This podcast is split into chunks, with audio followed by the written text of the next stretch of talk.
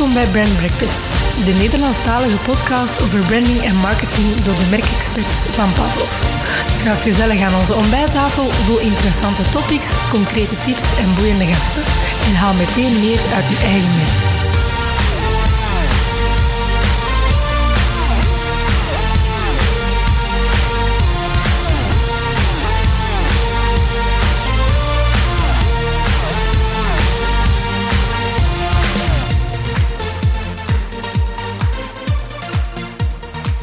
Welkom beste luisteraars bij deze nieuwe aflevering van Brand Breakfast Podcast. Ik ben Michael en ik zit hier tegenover Stef. Hallo. Dag Stef. Wij gaan vandaag een beetje een speciale aflevering opnemen. Uh, gewoonlijk als we een aflevering met ons twee opnemen, uh, gaan we een aantal topics door. Uh, een aantal ja, kennistopics of actualiteitstopics rond branding, marketing of communicatie. Mm -hmm. Vandaag gaan we het toch een beetje anders aanpakken, want we hebben ja, in de komende maand, februari 2023, wel iets op til. Stef, vertel eens. Ah, wel, uh, Michael, deze week komt uh, mijn vijfde boek uit. Spannend allemaal. Absoluut.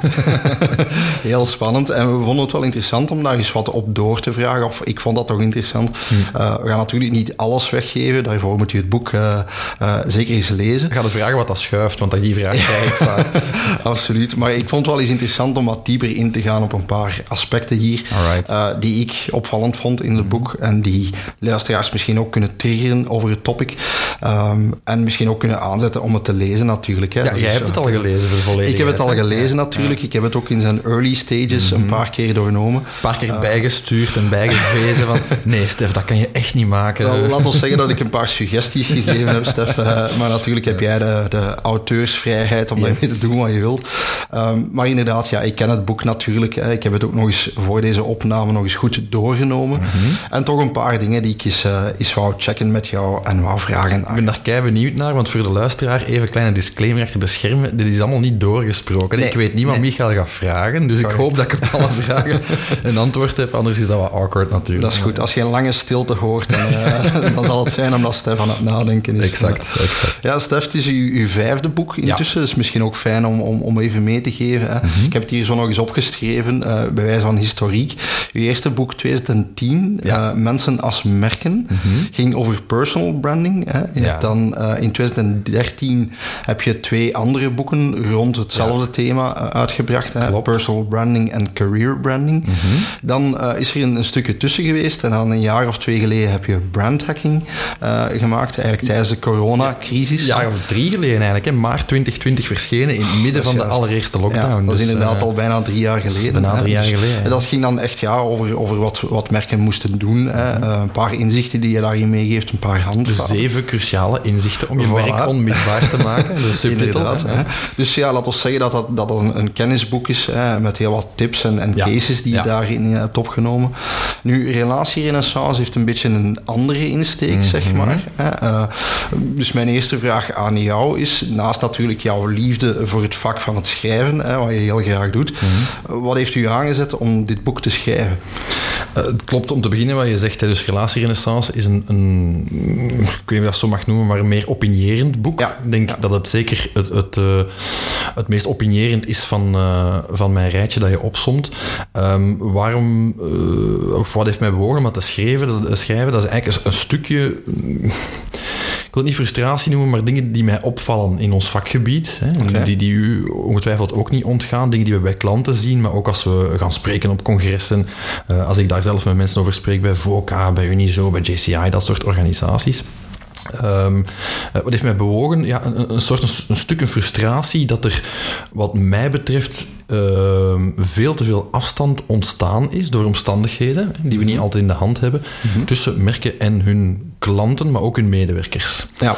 Hè, um, dat heeft met van alles en nog wat te maken. En de laatste jaren, natuurlijk corona zit daar voor een groot deel tussen. Mm -hmm. uh, maar je ziet ook uh, alsmaar meer digitalisering. Digitalisering ten goede, maar ook ten, ja, ten slechte, helaas. Okay, ja. Uh, blinde digitalisering die, die niet de klant ten goede komt. Mm -hmm. uh, je ziet heel veel automatisering. Je ziet ook een, een, neiging weer meer naar rationalisering toe, wat mij heel verbaast, eerlijk gezegd, mm -hmm. keer op keer. Dat zijn dingen die wij ook bij klanten uh, vaak zien.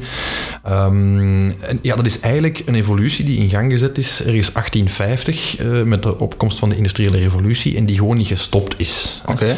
Ja. Dat er dus een, een, een, afstand is. Vroeger kocht je direct van iemand die iets maakte of die een dienst leverde. Ja, ja oké. Je zag echt de persoon die het maakte. je zag die mens. En, ja. en dat, dat, vandaag is dat uh, bijna ondenkbaar op de advocaat en boekhouder of de bakker om de hoek na. Mm -hmm. zie je die mensen niet meer. Hè? En merken hebben eigenlijk die rol overgenomen en zijn eigenlijk het menselijke gezicht, of zou dat moeten zijn? Dat was de initiële bedoeling van een merk mm -hmm. in de 19e eeuw. En vandaag helaas zie ik veel te veel ja, uh, merken die dat verkeerd aanpakken en, en waarvan ik denk, ja, goh, die moet ik uh, uitnodigen om deel uit te maken van een relatierenaissance. Want, en dat is het tweede, het tweede deel uh, van het antwoord, los van die frustratie merk ik wel dat er een, een kentering op gang komt. Hè. Veel merken okay. zijn meer aandacht gaan besteden aan menselijk kapitaal, zowel hun klanten als hun medewerkers. Mm -hmm. uh, maar je ziet ook een bepaalde moeheid. Je ziet bij consumenten moeheid rond digitalisering. Je ziet schermmoeheid na al die Zoom-calls in corona. Okay. Je ziet een heropleving van bepaalde retail, niet van allemaal. Je ziet een heropleving van buurtsupermarktjes. Je ziet mensen die terug dat menselijk contact gaan zoeken en bewust gaan opzoeken, daar bewuste mm -hmm. keuzes maken. Um, ook bij een werkgever trouwens, als het over employer branding gaat. Dus ik, ik, voel dat er een enorme drang is naar menselijke connectie. En ik wil merken, een beetje duidelijk maken, van ja, nu is het moment. Het momentum is er. Ja. Uh, na die pandemie, uh, binnenkort hopelijk na die recessie. Dat moment is er om dat te grijpen en dat in uw voordeel aan te wenden. Dat is eigenlijk de, de insteek van het boek. Voilà, want dat is dan misschien mijn volgende vraag. Je hebt nu natuurlijk al veel gezegd waar ik straks nog wat vragen ja, over ga stellen. Kunnen we dus, uh, nog dieper in al heel interessante ja, ja. Dingen die je aangaat. Maar mijn, mijn eerste vraag aan jou, hè, je doet een pleidooi voor meer op relaties in te zetten, meer mm -hmm. menselijkheid. Exact. Waarom is dat zo belangrijk? Dan merk je dat doen dan. Ik hoor u zeggen van, ja, je hebt daar frustraties rond. Kan, je, kan je dat benoemen? Wat, wat is dan het voordeel dat je daarop inzet? Het voordeel dat je daarop inzet is dat je een love brand wordt. Hè. Dat is uiteindelijk het, het einddoel. Hè. Okay. Elk merk wil hebben dat zijn klanten, zijn medewerkers, dat dat actieve ambassadeurs zijn. Dat die heilig overtuigd zijn dat dat merk een meerwaarde betekent in hun leven. -hmm. uh, je wil hebben als merk dat mensen daar uh, ja, hoge NPS-gewijs uh, goed over praten tegen anderen. Ja. Tegelijkertijd zie je dat veel van de acties die ze nemen, die net onmogelijk maken. Hè. Ze zetten in op, op efficiëntie, zetten in op margeverhoging, zetten in op processen. Dat is, dat is begrijpelijk, dat is een, een slimme, ja, ja, ja. slimme ondernemerstactiek, maar je mag dat menselijke niet vergeten. En dat wordt te vaak als te complex beschouwd of als te duur beschouwd. Ja, of iets uh, bijkomstig. Dat, iets bijkomstig uh, van ja, och ja, en we hebben hier bij de marketing eens een campagne gedaan rond customer centricity en zo maken ze zich ervan af. Maar dat is, ja, je moet als organisatie een mentaliteit hebben waarbij je die mens en zijn grilligheid, hè, laat ons eerlijk zijn, die, emo die emotie die erbij komt kijken, dat is grilligheid. Je kan dat niet capteren, je kan dat moeilijk meten, uh, maar je moet er wel op inzetten. Hè. En ja. als merk heeft dat alleen maar voordeel. Ik zeg daar net van, merken hebben de rol eigenlijk van uh, de waarden die we vroeger aan de, de molenaar of de varkenskweker of de stoelenmaker of de schoenmaker uh, toekenden. Mm -hmm. Ja, we zien die mensen niet meer. Dat is ook logisch in onze geïndustriële industriële wereld en globaliseerde wereld. Um, maar dan moeten merken die rollen vervullen. Dan moeten die die waarden uitdragen. Dan ja. moeten die die connectie maken. Ja. En dat doen ze veel te weinig. Of het uh, wordt herleid tot een marketinginspanning, terwijl het okay. veel meer is dan dat. Oké, okay. dus het moet echt in het DNA van een merk zitten Tuurlijk. om dat te integreren. Uh, om niet alleen hun klant te begrijpen, maar ook in te zetten op die. Het is exact dat. Hè. En je moet je klant inderdaad al begrijpen. Dat is voor veel bedrijven helaas al een, een, een stevige horde om te nemen. Mm. Dat is vaak ook heel confronterend. Um, maar je moet er inderdaad ook mee willen omgaan. Hè. En niet alleen de CEO of een bepaalde werkgroep moet daarvan overtuigd zijn, maar eigenlijk iedereen binnen een bedrijf moet ervan uitgaan. Maar ja, dat is de manier om mm. zaken te doen. En mijn overtuiging is echt, en dat, dat zeg ik op congressen als ik daarover spreek ook, dat, dat de succesvolle merken van morgen uh, zullen degene zijn die daar het beste uh, mee omgaan met die filosofie. Hè. Die, die okay. begrijpen dat een goed merk geen efficiënt merk is of geen, uh, geen digitaal merk per se, mm -hmm. maar een merk dat erin slaagt om relaties op te bouwen op lange termijn. Dat zijn dat zijn de winnaars van morgen. Hè. Ja, uh, ja, ja, ja, Nu, je had een aantal keer, als ik u nu hoor spreken, en natuurlijk in het boek ook wordt het een aantal keer aangehaald, de rol van technologie, van mhm. digitalisering aan. Nu, voor alle duidelijkheid, uh, ik begrijp dat je daar op zich niet tegen bent. Alles behalve trouwens. zelfs in zekere zin ook voorstander van bent, in bepaalde manieren. Nu, ja, we zijn het jaar begonnen waar je al heel veel te doen was over AI. de ChatGPT's, de DALI's. Ja, als ik daarover nadenk, ja, dat zijn natuurlijk aspecten die die menselijkheid misschien wat gaan wegnemen, waar, waar dat er nu over gezegd wordt tegen ons als ondernemer, van ja, dat is wel de toekomst. Hè. Daar ga je op moeten inzetten. Ja. Ehm, hoe zie je dat? Eh, ik weet, in, in je boek benoem je dat een stuk natuurlijk, maar ja, dat gaat natuurlijk razendsnel. Hè, als we gewoon al kijken de laatste twee maanden, ja, hoe die evolutie uh, zich doormaakt en wat een zenuwachtigheid dat dat ook creëert. Um, hoe moet je daar dan als bedrijf mee omgaan met zo'n zaken? Uh, heb een paar uur, want dat zijn veel vragen in een keer. En dat is inderdaad een gevoelige snaar die bij mij raakt, heel bewust natuurlijk. Um, inderdaad, wat je zegt, om te beginnen, klopt. Hè. Dus ik ben zelf een early adopter. Ik, ik woon in een, in een herenhuis dat tot smart home is omgebouwd. ik bestuur alles met mijn telefoon. Uh, uh, hoe, hoe, hoe, makkelijker bepaalde interacties kunnen, hoe beter. Um, dus allez, ik ben zeker geen tegenstander van technologie, alles behalve. hè. Mhm. Wat ik wel merk is dat um, in het publieke debat um, het bijna uitsluitend over de merites van technologie gaat. Hè. Het heeft ons leven makkelijker gemaakt, het heeft uh, bepaalde zaken sneller gemaakt, het heeft bepaalde middelmen uit het verhaal kunnen knippen en zo verder. Ja, merites, maar soms ook de angst van gaan we vervangen worden, gaat die menselijkheid... Dat speelt ook mee, dat is een, een andere discussie, maar wat, wat, je ziet is dat de nadelen die er zijn, mhm. waaronder inderdaad de terechte angst hè, om vervangen te worden en dergelijke meer, dat die vakkundig onder de mat geveegd worden. En ik zie heel weinig stemmen in het publieke debat, maar ook in ons vakgebied, hè, in, in marketing, in branding, in, in, in, in bedrijfsstrategie, uh, hoor je heel weinig stemmen die daar vragen bij stellen. Mm Nochtans, die kan je er wel bij stellen. Hè. De impact op de mens, de impact op het milieu en zo verder. Um, uh, de manier van samenwerken en zo verder. Uh, er zijn heel wat bedenkingen bij die ik uitgebreid en uitvoerig toelicht in het boek en ook, ook, ook mijn recente onderzoeken kan staven. Um, dus dus ik, ik ben in die zin kritisch en, en om terug te komen op uw vraag, wat moet je dan doen als bedrijf. Ja, technologie is natuurlijk prachtig, maar je gaat mij nooit als evangelist voor technologie zien optreden. Hoe, okay. hoezeer ik daar ook fan van ben. Omdat ik vind dat de belangrijkste uh, negatieve bijwerking van al die technologie is mhm. dat de ziel, de menselijkheid uh, verdwijnt, de empathie verdwijnt. We gaan nog meer in processen denken, dus ja, nog ja, meer ja, rationaliseren. En voor sommige dingen is dat goed. Ik kan mij inbeelden, een arts, een chirurg die geholpen wordt door technologie om levens te redden. Ja, mhm. super. Hè?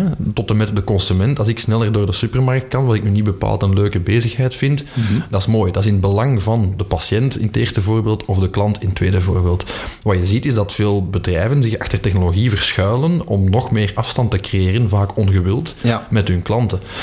Um, en als het gaat over nog maar eens een nutteloos platform bijcreëren, mm of mensen die zich nu al vragen stellen bij iets als hybride werken, binnenkort dwingen om via de metaverse hun job te doen. Of het, excuseer, het metaverse. Mijn uh, uitgever is daar, uh, was daar zeer pertinent van mij te wijzen dat het het metaverse is. Um, ja, dat zie ik dan weer niet gebeuren. Hè. En dus ik, ik, kijk met leden ogen als mens geïnteresseerd naar dingen als ChatGPT. Mm en het metaversum, wat ik absoluut interessant vind, hè, laat ik daar duidelijk in zijn. Tegelijkertijd hoor ik dan op congressen mensen zeggen, ja, we gaan niet meer op reis binnenkort. Hè. de toekomst van toerisme is virtueel. Je zet een bril op en je gaat niet meer naar Bali, want dat is vervuilend, zo'n vliegtuig. En mensen nemen er de tijd en de moeite niet meer voor. Je kan veel goedkoper, efficiënter en milieuvriendelijker mhm. gewoon thuis op vakantie gaan. Dat is voor mij het verschil tussen een concert van uw favoriete groep op tv zien of op een wei staan met een pintje in hun handen. Dat is voor mij het verschil tussen een schilderij zien in het Louvre, waar het hoort mhm. eh, bekeken te worden, versus op uw computerscherm. Hè. Je neemt een laag weg gek genoeg door een laag er extra bij te zetten. Hè. Ja. Uh, dat klinkt al heel uh, en heel filosofisch, maar ik ben daar vrij filosofisch in. Ik vind dat uh, die nadelen niet mag miskennen, punt 1. Punt 2, um, het is ook niet onbelangrijk, uw klant vraagt daar niet noodzakelijk achter. Mm -hmm. je kan zeggen, ja, maar klanten vragen nooit om innovatie. Er vroeg niemand om een mobiele telefoon. Voilà. Ja, ja, en toch kwamen ze er en vandaag lopen er allemaal mee rond. En dat is helemaal juist. Van de andere kant denk ik, ja, als je nu de Meijer op gaat, hier een paar straten verder, en je vraagt aan 100 random mensen. Um, van heb je daar nu nood aan, aan dat zoveelste platform, aan die zoveelste mogelijkheid? Ehm, ja, je gaat heel vaak, als ik daar met mensen over spreek, horen maar ja, uh, ik word gedwongen in die richting, of, of, of ja, het is mij toch allemaal wat afstandelijk. Of, uh, een goed voorbeeld vind ik chatbots, hè, van, mm -hmm. dat zal wel verbeteren nu met ChatGPT ja, ja. en OpenAI en zo, maar ja, hoeveel mensen dat mij al gezegd hebben, ja, ik heb dat dan geprobeerd en ik stel daar wat vragen aan, maar ja, ze, dan begrijpt hij mijn vraag niet, of als het wat complexer is, moet ik toch weer in wacht gaan hangen aan telefoon, ja. wat dat bedrijf dan eigenlijk niet wilt, hè, dus ze investeren daar ook niet in dat je daar aan telefoon hangt, want ja, gebruik de chatbot maar, of de FAQ, ja, uw relatie met uw klant is te belangrijk mm -hmm.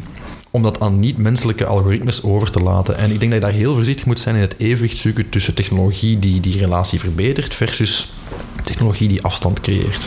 Uh, voilà, point taken, absoluut. Uh, ik denk misschien de challenge die ik daar zou bij hebben, Stef, is je legt de verantwoordelijkheid natuurlijk heel sterk bij bedrijven, ja. bij merken, hè, ja. vanuit een bepaald gemakzucht dat ze misschien meegaan in, in een technologie.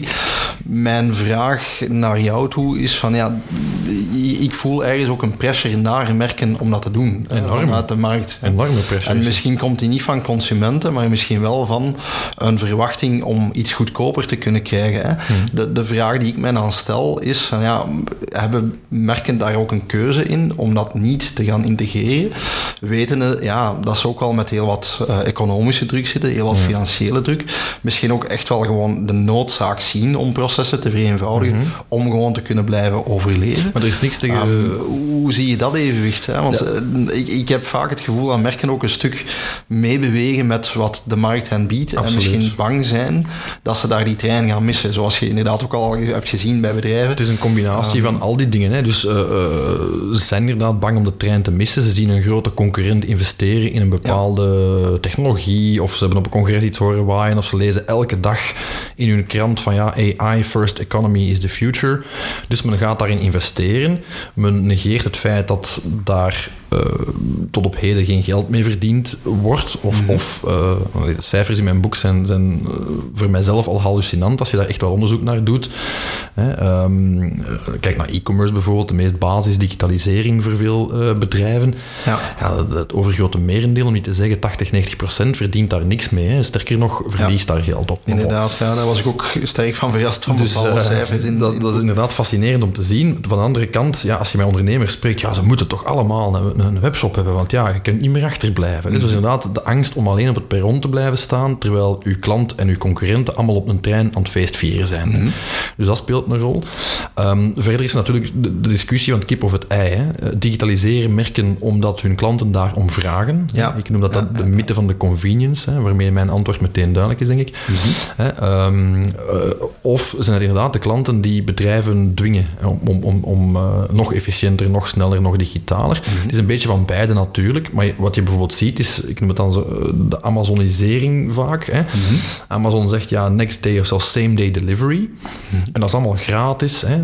Dat Amazon daar keiveel verlies op maakt, dat wordt er niet bij gezegd. Ja, ja, ja. Dat couriers daarvoor in moderne slavernij gedwongen wordt, uh, wordt er niet bij gezegd. Als Klopt, maar, maar, het zet natuurlijk druk op de voilà, anderen. Hè. Het zet uh, niet alleen druk, het, het, op een gegeven moment wordt dat voor mensen ook een evidentie. En ik merk dat bij mijzelf. Je bent zo gewend bij Coolblue voor 23 uur 59 besteld, de dag erop geleverd aan mm -hmm. uw stoepje, of zelfs geplaatst als het een toestel is. Mm -hmm. uh, allemaal voor niks, hè. dat is allemaal gratis. Hè. Ja. Dat komt als, als mannen uit de hemel gevallen allemaal, die dienstverlening. Mm -hmm.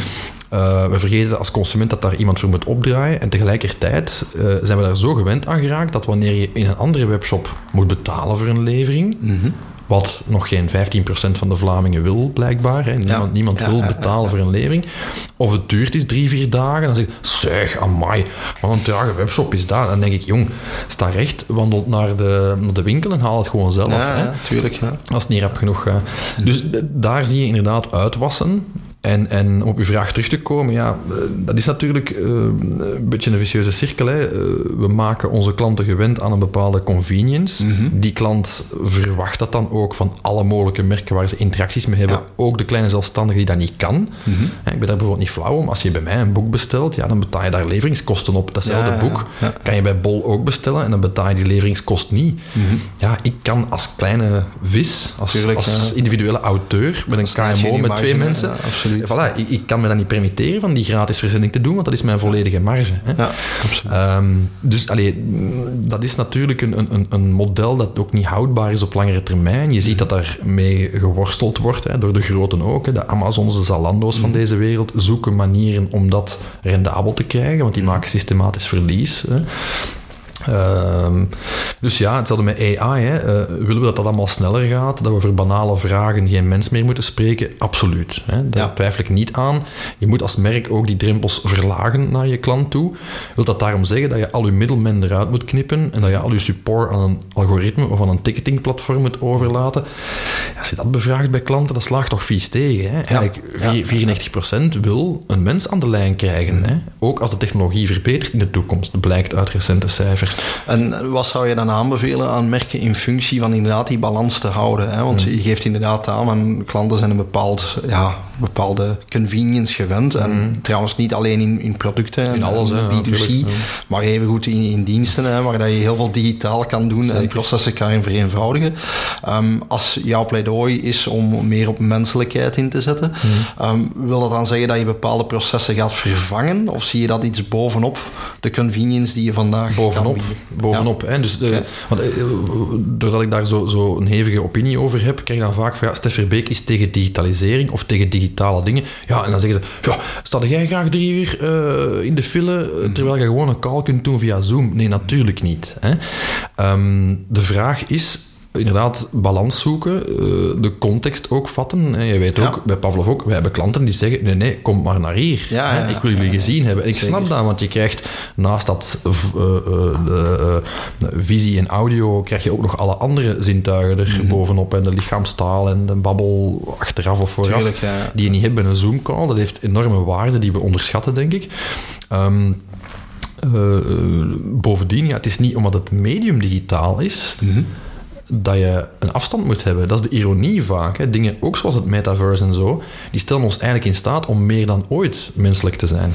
Daar ben ik heel geïnteresseerd naar, hè, inderdaad. Want maar dat is de paradox, hè? Hoe, hoe maak je die, het digitale aspect of, of het convenience aspect menselijk? Hè? Dat is mhm, denk ik een mhm. beetje de, de, de key, uh, dat ik ook uit mijn vraag wou, ja, halen ja. met jou. Um, wat, wat zijn dingen die... die merken kunnen toepassen zonder dat het hen echt in de problemen brengt. Hè? Want uh, rekening houden met een economische realiteit, rekening houden met ja, uh, de recessie waar we mogelijk in komen. Um, ja, hoe maak je daar een verschil zonder dat je zelf ja, in je eigen vlees snijdt? Mm. Uh, zit dat dan in kleine dingen, door er inderdaad altijd een human touch aan toe te voegen? Tuurlijk.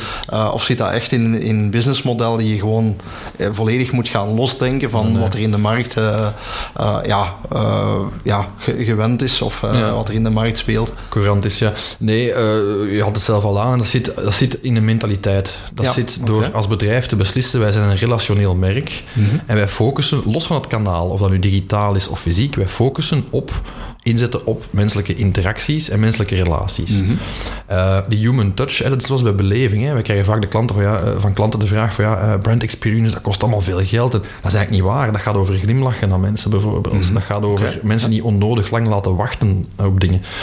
Um, dus dat zit in kleine details. Dat is bij relationeel merk niet anders of bij een human touch. Dat gaat over geloven dat dat primeert. Mm -hmm. Bovendien, hè, om terug op die convenience te komen, um, ik blijf geloven dat dat een mythe is, hè, die convenience. Hè. Wij zeggen, ja, dat is de heilige graal van het moderne zaken doen. Maar convenience wordt verkeerd geïnterpreteerd als het moet snel zijn, ja. het, het, moet, het moet uh, frictieloos zijn. Uh, dat is niet waar. Ten eerste, dingen die we naar waarde schatten, die mogen wat kosten, die mogen wat langer duren. Daar, uh... Het is dat wat een counterpoint zou kunnen zijn. Ja, we hebben in het proces dat we hebben geen tijd om die menselijkheid in te voeren. Als we inderdaad binnen de dag moeten leveren of, of ja, heel snel iets moeten, moeten opzetten. Nee, convenience zit ook in dat human. Hè. Je mag dat niet mispakken als zijnde dat moet snel en zieloos zijn of, of, of, of robotmatig proces. Uh, convenience is ook in de supermarkt als kassier zien hoe iemand is moeilijk te been, sukkelt met die zakken. Ik ga die helpen naar de auto dragen bijvoorbeeld. Hè. Mooi voorbeeld. De bagboy, ja, die bestaat niet meer. Daar betalen we niet meer voor. Iemand die dat doet voor jou, uw zakken inpakken, zoals je dat in de Amerikaanse films soms ziet. En die laagbetaalde jobs, dat hebben we niet meer. Oké, goed tot daar aan toe. Van de andere kant kan je je afvragen, ja, ehm, je misloopt, dat, dat is al vaak de ironie ook, hè, je misloopt als merk ook heel wat mogelijkheden om klanten aan u te binden. Wanneer jij aan uw klant zegt, ja, oh, die kassas, we hebben eigenlijk liever dat je dat niet meer komt schuiven, download een app en, en scan uw eigen producten en wandelt langs de zelfkassa en het poortje terug naar buiten. Je hebt letterlijk niemand gesproken, niemand. Ja. Ik loop de Albert Heijn binnen met mijn koptelefoon op en ik zet die niet meer af. Mhm.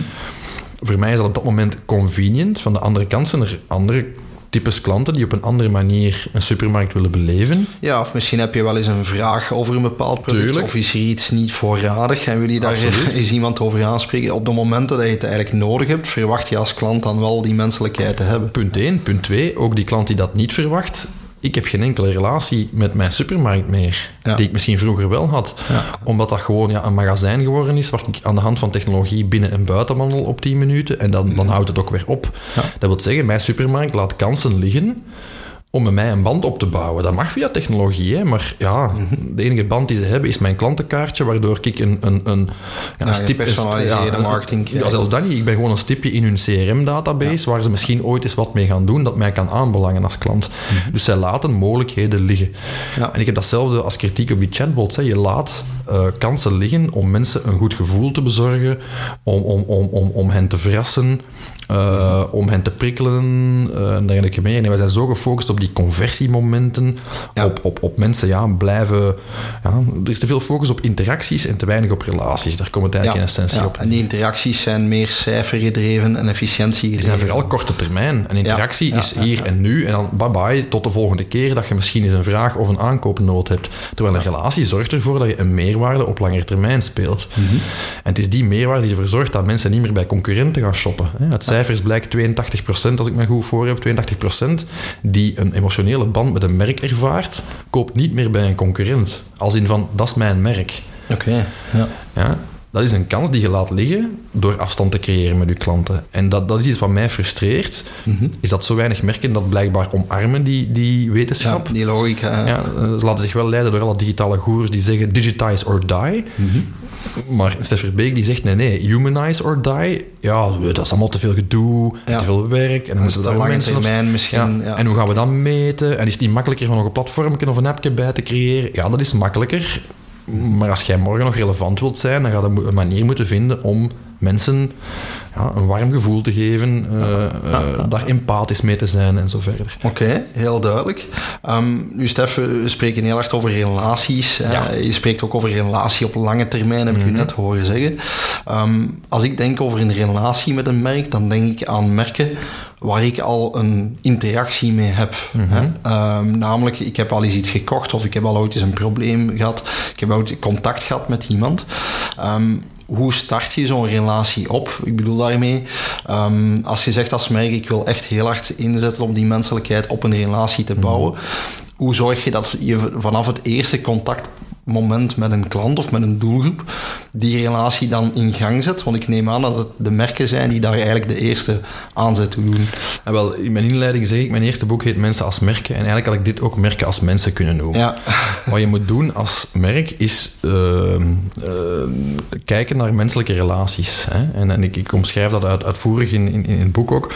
Van, van uh, datgene wat mensen aantrekkelijk maakt voor andere mensen, maakt ook merken aantrekkelijk voor mensen. Oké. Ja. En dus wat je moet doen is bepaalde eigenschappen. Ja, voilà, bepaalde eigenschappen gaan En, en ja, dat is eigenlijk een courtship zoals, zoals dat je een relatie uitbouwt. Ik mhm. verwijs uitvoerig naar het werk uh, van Susan Fournier, die daar uh, heel veel onderzoek naar gedaan heeft. Die zegt van ja, er zijn archetypes van vriendschappen of menselijke relaties. Okay.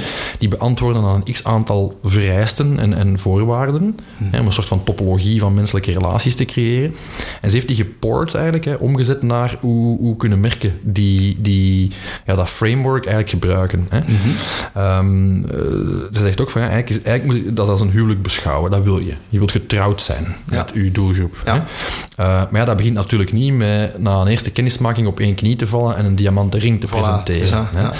Uh, tegelijkertijd wat zie je dat heel veel merken heel goed zijn in een eerste date scoren. Mm maar dan het moment dat ze kunnen gaan zoenen of whatever, ja, dan, hm, dan wordt het toch wat moeilijker. Of ze hebben een eerste kus gescoord, maar ja, hoe zorg je dan dat je nog een stapje verder kan gaan en dat je echt een partner van iemand kan worden? Ja, want dat is het moment om je metafoor verder uh, te zetten, dat je eigenlijk ja, je je partner leert kennen. Mm En dat je ook begrijpt wat zijn gevoeligheden, zijn motieven zijn. Ehm, dat is eigenlijk het moment van de waarheid, als ik het dan goed begrijp. Dat is een van de momenten van de waarheid in die customer journey, die vandaag, wat mij betreft, veel te veel gefocust is op dat conversiemoment. Hè. Ja. Uh, je ziet dat de, in eerste, de eerste sale eigenlijk. Om je ziet dat in marketing en sales zie je dat enorm. Hè. Er is een enorme uh, evolutie richting funnel-driven marketing. Ja. mensen zo snel mogelijk door die, door die funnel te krijgen, richting mhm. een aankoop. En dan daarna, ja, bon, we zullen nog wel eens retargeten als je nog een keer op, uh, op YouTube zit met een filmpje. Of, of, of we sturen nog wel eens een mailing achteraf. Ja. Maar opnieuw, al dat menselijke is daar wat uit verdwenen. Uh, zelfs in fysieke interacties, helaas. Hè. Dat is ook gewoon vaak aan een kassa. Biep, biep, biep, scan, scan, scan. Heel instrumenteel. Krijg een zakje mee en toedeloe. Hè. Terwijl, ja, dan heb je geen meerwaarde gecreëerd. Dan heb je gewoon een verkoop gerealiseerd. Hè. Um, dus het gaat erover na te denken als merk van hoe zorg je ervoor dat zo'n relatie dat dat vorm krijgt, dat dat meerwaarde krijgt. En dat je misschien een beetje afstapt van de dingen die we gewoon zijn geworden. Hè. Van zo dat crowd marketing en zo. Daar is allemaal niks tegen, hè, voor alle duidelijkheid. Voilà, ik denk dat dat technieken zijn die, die hun merite hebben. Je moet dat zeker uh, doen, maar dat heeft, dat heeft een plaats in een bepaald moment. In ja, een bepaalde stuk van, de, customer, journey, of in de eerste stappen. En misschien zelfs achteraf nog. Maar als je alleen daarop vertrouwt, dan maak je van je mensen koopvee, je klanten. Ja, en het is denk ik iets te vaak een einddoel. Hè? Zoals je inderdaad omschrijft. Van, uh, oké, okay, eens de verkoop gedaan is, dan hebben we eigenlijk onze slag thuis. Voilà. En dan gaan we zoeken naar de volgende relatiepartner hè, om, uh, om te gaan korten. Terwijl die retentie, zoals dat dan in marketing heet, um, niet onbelangrijk is in heel die relatie. Je wilt dat mensen niet alleen tevreden zijn, maar dat die ook zeggen, oh maar dat is iets tof, en dat die er met je interacties zoeken. Mm -hmm. En een soort van sense of belonging creëert vanaf de eerste minuut van je hoort erbij, je wordt gewaardeerd, ja. er wordt naar u geluisterd. Dat zijn allemaal eigenschappen die, als je dat aan mensen vraagt, met heel weinig merken geassocieerd worden. Hè. Ja. Hè, welk merk luistert er nog echt naar ons? En dan bedoel ik niet via een smart speaker, dan bedoel ik ja, echt... Hè?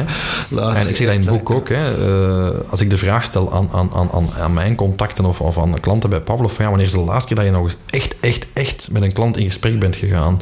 En dat bedoel ik niet en cours de route. Hè. Mm-hmm. Dat bedoel ik echt van, van echt een diep gesprek van hoe, hoe, hoe leeft die, wat vindt die persoon belangrijk en dergelijke meer. Meer dan in het begin van mijn carrière, meer dan twintig jaar geleden, blijft het dan echt beschamend stil. Hè. Mensen moeten ja. echt nadenken, goh ja, naar klant, wanneer is de laatste keer die nog gesproken heb. Ja. Maar het zijn vaak die profielen die, die, uh, die beslissingen nemen uh, over hoe die relatie met die klant eruit ziet. Hè. Dat is dan ook weer de ironie daarvan.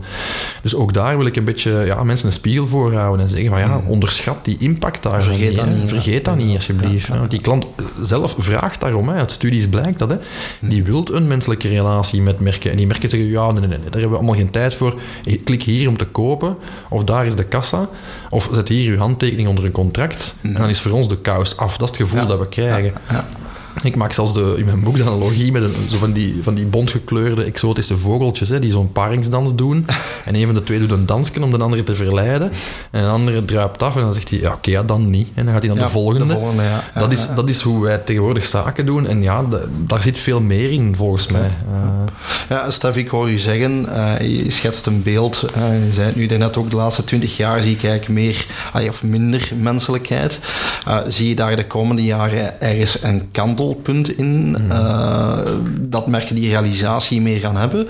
Uh, zeker als ik dan inderdaad lees hoe er toch uh, wordt geduwd richting meer dat digitaal, richting meer dat procesmatige. Uh, wanneer zie jij een kantelpunt gebeuren? Of wat zijn uw voorspellingen daar de komende jaren? Maar, ik heb natuurlijk geen kristallenbol, ik ben ook geen trendwatcher, maar uh, ja, de titel van mijn boek zegt alles. Hè. Volgens mij is nu het moment voor die ja. relatierenaissance. Dat heeft voor een deel ook met die COVID-pandemie te maken. Dat heeft mij heel veel doen nadenken over bepaalde dingen en hoe we met, met klanten omgaan, ook in dat soort crisismomenten. We beleven momenteel een, naar schatting, lichter recessie, maar toch een recessie. We zitten met oorlog op ons continent. Mensen hebben meer dan ooit nood aan empathie, aan warmte, bevestiging, aan bevestiging, ja, ja, ja. aan erkenning van hun eigen identiteit. -hmm. Dus ik denk dat het vermerken het moment is om op die trein te springen. Um, misschien de investeringen die ze plannen in rationalisering te heroverwegen en die te investeren in emotionalisering. Ik denk mhm. dat dat veel meer gaat opleveren, toch zeker op lange termijn. Um, en wanneer gaat dat gebeuren? Ja, ik voel dat overal rondom mij gebeuren. Als ik daar met mensen over spreek, mij valt op hoeveel mensen driftig staan te knikken als ik spreek over dit soort dingen. oh ja, het gelijk. En ze voelen zelf als consument aan. Ja. Maar tegelijkertijd ja, zitten ze in processen van, hoewel dat veel onderzoeken bij bedrijven dat ook aantonen. Hè. Als je kijkt hoeveel kritiek er is op dingen als, ik weet dat dat heel controversieel is, dus sorry voor de luisteraar die daar hevig fan van is, maar dingen zoals thuiswerken en hybride werken. Mhm. Um, uit recente studies, ja, er zijn mensen die ongeveer 20% van de Belgen zegt: Ik wil dat nooit meer thuiswerken. Ja. Never, ever, jamais. Ja. En ik zou van job veranderen als ik verplicht word om hybride te werken. Daar hoor je niks van in de pers. Dat zijn onderzoeken die ik moet gaan zoeken mhm. in academische middens, uh, die de krant niet eens halen. Hè. Um, uh, idem dito met mensen die zeggen: Ja, ik, ik koop bewust. Uh, je ziet dat trouwens aan cijfers. Hè. Heel veel mensen kopen bewust nog altijd meer, veel meer fysiek dan uh, dan digitaal. Uh, mensen zijn schermmoe. Gek genoeg, vooral de jongeren zijn schermmoe. Ja. Generation Z en de millennials, die hebben het allemaal gehad hè, met, mm met online calls en whatever. Die snakken naar ja, zich begeven onder mensen, mm gelijkgestemden, sense of belonging en dergelijke meer. Dus ik voel aan alles rondom mij en aan, aan, cijfers bewijzen dat ook, dat dat bruist ergens in de onderbuik van onze maatschappij. Ja. En ik zeg het nog eens, er gaan een paar merken zijn die daar het voortouw nemen, zoals dat ook in technologie is. Hè. Een Nike die daar in de metaverse al winkels heeft, bij wijze van spreken. Zo gaan er een paar merken zijn die echt excelleren in relaties bouwen. En dan ga je denk ik zien dat ergens voor flaat die slinger gaat omslaan en dat gaat geen vijf jaar duren. Voilà. Laat ons hopen dat jouw uh, boek daar ergens een bewustzijn is, hè, toch een zekere en awareness. Dat is de eh, bedoeling, hè? Ja. Uh, voor je merken om ook te begrijpen dat dit ook een belangrijk aspect is, hè, ongeacht hoe ze het vandaag doen. ik ga je misschien nog even de tijd geven, Stef, om even te pluggen. Hè. veronderstel nu dat, dat ik nog inderdaad getriggerd ben als luisteraar. Ja. Hè. waar kan ik jouw boek vinden? Hoe kan ik hiermee in contact komen met deze thematiek? Zijn er tips die je kan geven de komende maanden waar zij jou kunnen zien eventueel? Mhm of eventueel nog wat meer over je topic kunnen te weten komen. Uh, shoot, zou ik zeggen. Uh, ja, voor zover dan een plug nog zou nog moeten nodig zijn na dit, uh, na dit boeiende gesprek, Michael, met jou. Um, ja, het boek komt deze week in handel. Ja. In principe 3 februari, dat is vrijdag. Mm -hmm. um, je kan hem zowel fysiek als online kopen. Uiteraard. We, we, embrace technology, maar we laten de, het evenwicht hè, met de klassieke boekhandel. Dus normaal gezien klassieke boekhandel eind deze week, begin volgende week, dus in elk geval half februari uh, zou die fysiek in de winkels moeten liggen. Mm -hmm. Je kan hem uiteraard ook online vinden, niet in het minst via relatierenaissance.be in één woord. Ja. Uh, kan je hem gewoon bij deze kleine zelfstandige uh, en bescheiden auteur bestellen. Mm -hmm. um, mensen die dat interessant vinden, ja, ik zou zeggen hit me up of hit us up, hè, want ja, ja. Ik, ik, denk dat ik voor, voor, mijn collega's bij Pavlov ook spreek, hè, dat we kunnen helpen om merken, relationele merken te maken en, mm -hmm. en wat menselijker te maken. Wat we trouwens al jaren doen. Um, en mensen die mij daarover willen zien spreken, ja, mijn kalender wordt continu aangevuld. Er komen elke week dingen bij. Juist, ja, uh, op stefferbeek.be vind je heel het overzicht. Dus uh, ik zou zeggen, meer dan welkom in al die sessies en keynotes en congressen uh, in binnen- en buitenland. Met veel plezier. Super. Oké, okay, Stef, ik wil u van harte bedanken. Ik weet dat het misschien bedankt, een, een, vreemde setup was dat ik jou daar over uithoorde. Want uiteraard ben ik ook al wat betrokken geweest in het, in, het, proces tot nu toe. Het is raar, maar daarom niet minder aangenaam. Voilà, absoluut absoluut. Uh, ik, vond dat je, allee, ik vond dat je heel nuttige antwoorden gegeven hebt op, mijn, uh, op mijn vragen. Voor de luisteraars, ja, volgende keer gaan we natuurlijk terug over naar een, een iets klassiekere, zal ik maar zeggen, uh, vorm van onze podcast. De orde van de dag. Voilà, tot de orde van de dag. Ja. En dan gaan we terug een aantal topics benoemen of een gast uitnodigen, want we mhm. hebben er een aantal in, in de pipeline. Yes. zoals steeds, moest u nog niet geabonneerd zijn, dan kan dat uiteraard. je kan ons terugvinden via Soundcloud, Spotify en Apple iTunes is dat zeker. Hè? Ja, Apple dus- Podcast of... Ja, uh, Apple Podcast inderdaad. Ja. Uh, en zoals steeds, als je vragen hebt, stuur ons gerust een mailtje naar hello